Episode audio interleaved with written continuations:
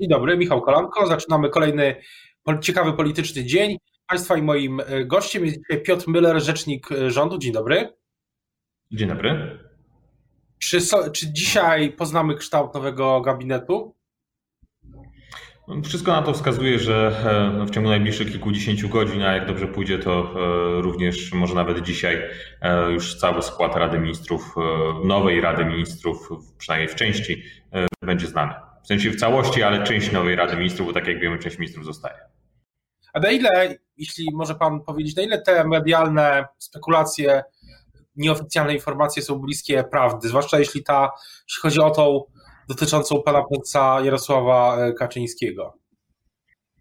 Jak to zwykle bywa, dziennikarze e, wykonują swoją pracę bardzo dobrze i faktycznie co najmniej kilka informacji, które pojawiły się w przestrzeni medialnej są prawdziwe, ale niech pan redaktor mi pozwoli nie odpowiadać, które, bo to jest przywilej pana premiera, żeby już nowy skład, częściowo nowy skład Rady Ministrów ogłosić. I tak jak mówię, to powinno się odbyć e, dosłownie w ciągu najbliższych godzin. A jak, e, jak pan określił e, kolejne kroki, scharakteryzował kolejne kroki polityczne i praktyczne po tym ogłoszeniu rekonstrukcji rządu, co, co dalej się będzie działo?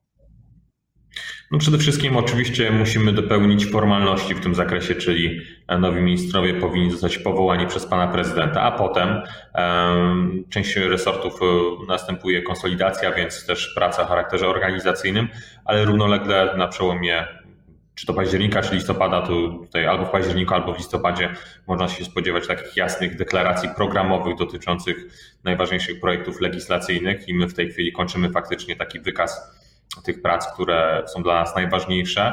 I jednocześnie nakreślenie tych ram w kontekście e, chociażby gospodarczym, bo tutaj chodzi o walkę z, e, z kryzysem gospodarczym, ale również w zakresie edukacji, w zakresie służby zdrowia, bo też e, kilka ważnych projektów będzie i to wszystko właśnie będziemy ogłaszać i w październiku, i w listopadzie, pokazując konkretne pomysły, a część w tym kwartale już projekty konkretne, które trafią do Sejmu. A myśli pan, że premier Morawiecki wygłosi kolejne przemówienie, kolejne expose? W jakimś sensie e, tak można, można by to chyba nazwać? W sensie formalnym to oczywiście expose nie będzie, natomiast bo to jest e, wygłaszane expose w momencie, kiedy jest powoływany zupełnie nowy rząd.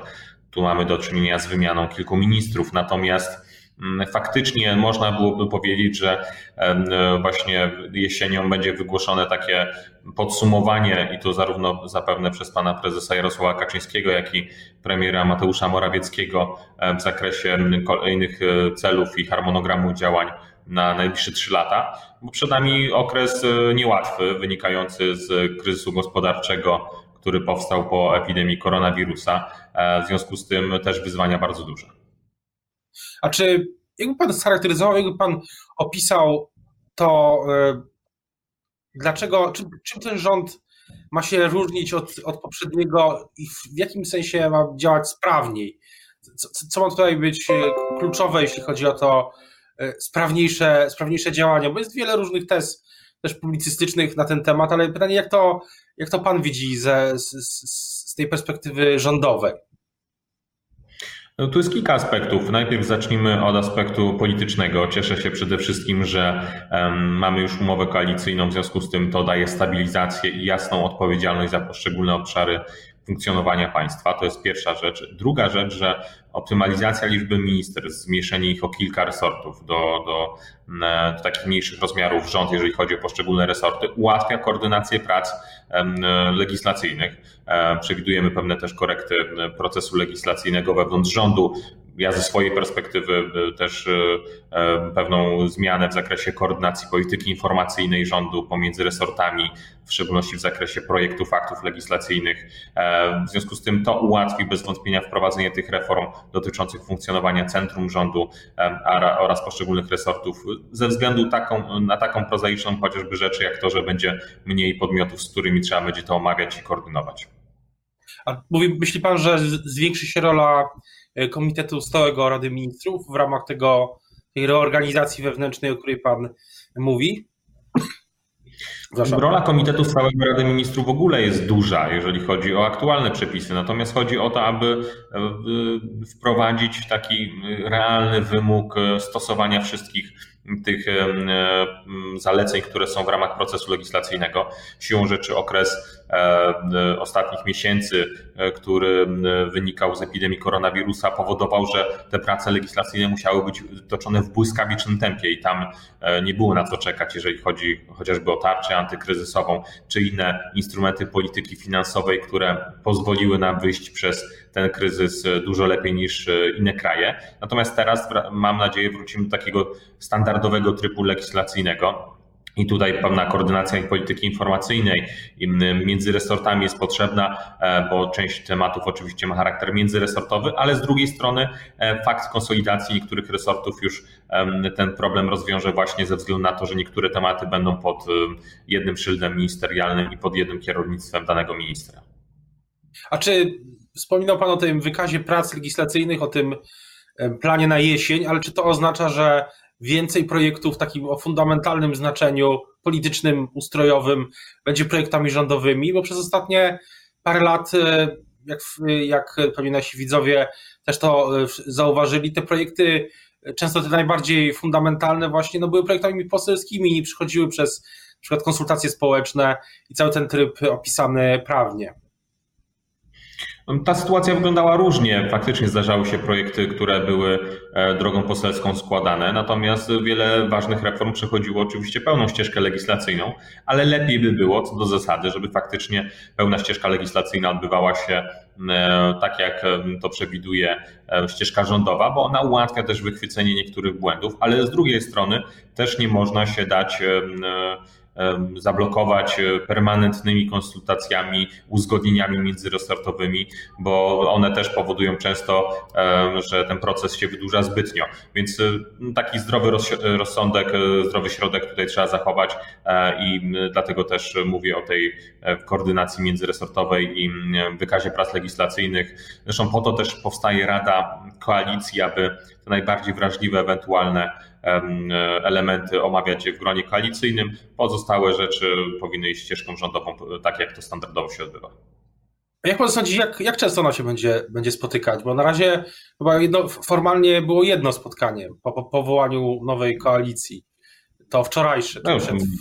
Umowa została podpisana w sobotę, więc siłą rzeczy e, to pierwsze spotkanie odbyło się tuż po, kilka dni po. Natomiast myślę, że to taki miesięczny tryb e, to będzie e, taki regularny, co najmniej raz w miesiącu, że będziemy się w tym gronie spotykać po to, aby omawiać bieżącą sytuację, a, od, a poza tym przecież co tydzień właściwie będziemy widywać się na rządzie, chociaż teraz oczywiście ze względu na COVID e, ten tryb obiegowy jest częściej stosowany, natomiast raz w miesiącu Rada Koalicji to jest myślę takie minimum, plus właśnie te spotkania w ramach posiedzeń rządu. Też myślę, że te zmiany w rządzie są uważnie obserwowana nie tylko, nie tylko w Polsce, nie tylko przez komentatorów, a czy uważa pan, że jeśli potwierdzi się ta nominacja, jeśli pan e, poseł, profesor e, Przemysław Czarnek będzie jeszcze nowym ministrem edukacji i nauki, to czy w tym kontekście międzynarodowym nie jest tak, że od razu będzie musiał rząd, e, pan minister i być może pan też tłumaczyć się z jego wypowiedzi wcześniejszych w kampanii, na przykład dotyczących osób LGBT?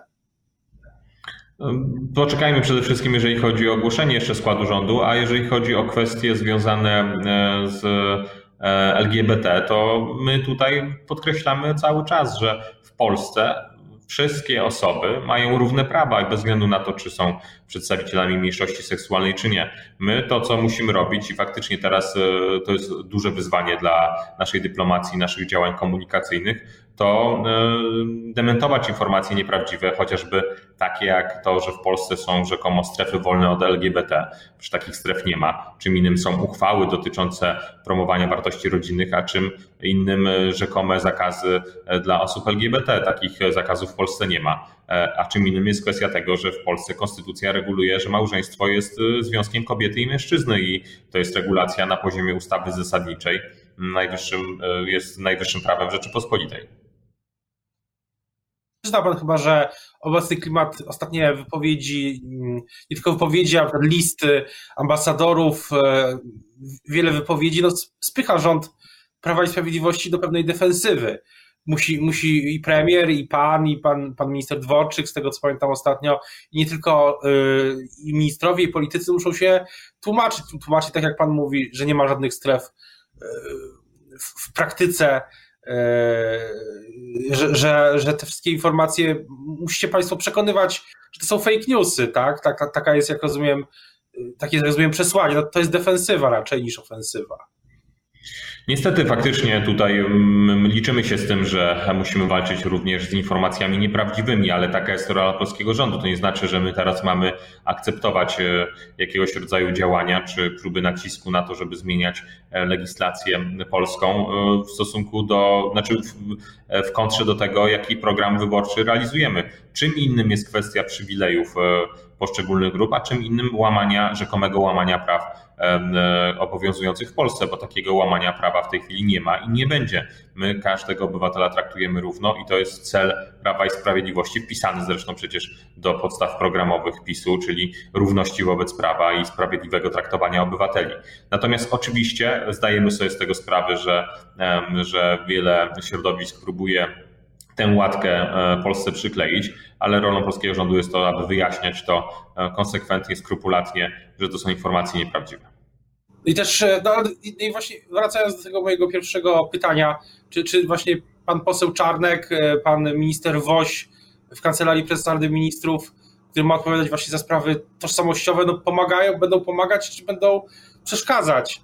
Bo mam wrażenie, że, że, że tam te nominacje będą bardzo uważnie obserwowane jeśli do, do nich no, Jestem przekonany, już nie odnosząc się do konkretnych nazwisk, że każdy członek rządu będzie prowadził takie działania, jeżeli chodzi o sferę przekazu, które są zgodne z linią programową rządu. A linia programowa rządu jest taka, że każdemu należy się E, równość, każdy jest równy wobec prawa, a jednocześnie z drugiej strony konserwatywna część naszego programu politycznego zakłada e, utrzymanie wartości rodzinnych i konkretnych test programowych, które są w programie naszych partii politycznych. Natomiast do tego oczywiście żaden e, ostry język nie jest potrzebny. Ja generalnie jestem zwolennikiem łagodniejszego języka w debacie publicznej i do tego zachęcam zawsze swoich kolegów i koleżanki z rządu i z parlamentu. Na koniec chciałbym zapytać o epidemię COVID-19, koronawirusa. Czy, e, czy, czy myśli Pan, że Polacy mogą oczekiwać e, powrotu do niektórych obostrzeń w skali ogólnokrajowej? Pamiętam wypowiedź wiceministra mm, finansów sprzed e, ładnych już kilka tygodni, kilku tygodni, przepraszam, że mm, jakieś punktowe obostrzenia jesienią są możliwe. Mamy jesień i widać skok e, obłożenia, jeśli chodzi o respiratory, e, łóżka szpitalne. Co, co dalej? Przede wszystkim e, chciałbym podkreślić, że my nie mamy planu wracania do tak mocnych obostrzeń, jak miały, miejsca w marcu, miały miejsce w marcu w kwietniu czy w maju. Natomiast oczywiście jakieś punktowe zaostrzenia obostrzeń, w szczególności w strefach żółtych i czerwonych, są możliwe. Zresztą, co wczoraj zakomunikował również minister zdrowia, pan minister Niedzielski. E, ale tak jak mówię, one będą adekwatne do sytuacji i na pewno nie będą miały takiego charakteru, jak, e, jak miało to miejsce w marcu, kwietniu i maju, bo cały świat, wszystkie rządy na świecie nauczyły się e, już systemowo reagować w inny sposób na, na COVID-19. Służba zdrowia jest lepiej do tego przygotowana, w związku z tym nie ma potrzeby i takiej potrzeby nie identyfikujemy, żeby tak e, głębokie e, obostrzenia wprowadzać. Inna sytuacja była w marcu, kiedy nie było wiadomo, jak ostra jest ta choroba i jak system jest przygotowany do niej. Jak, jak będzie o, ty, o, o tych wydarzeniach w polityce, ale też jeśli chodzi o walkę z koronawirusem. Oczywiście będziemy informować na bieżąco. Teraz bardzo już dziękuję za rozmowę Państwa moim gościem dzisiaj był Piotr Miller, rzecznik rządu. I dziękuję i zapraszam na czwartkowy program Rzecz o Polityce. Do usłyszenia. Dziękuję.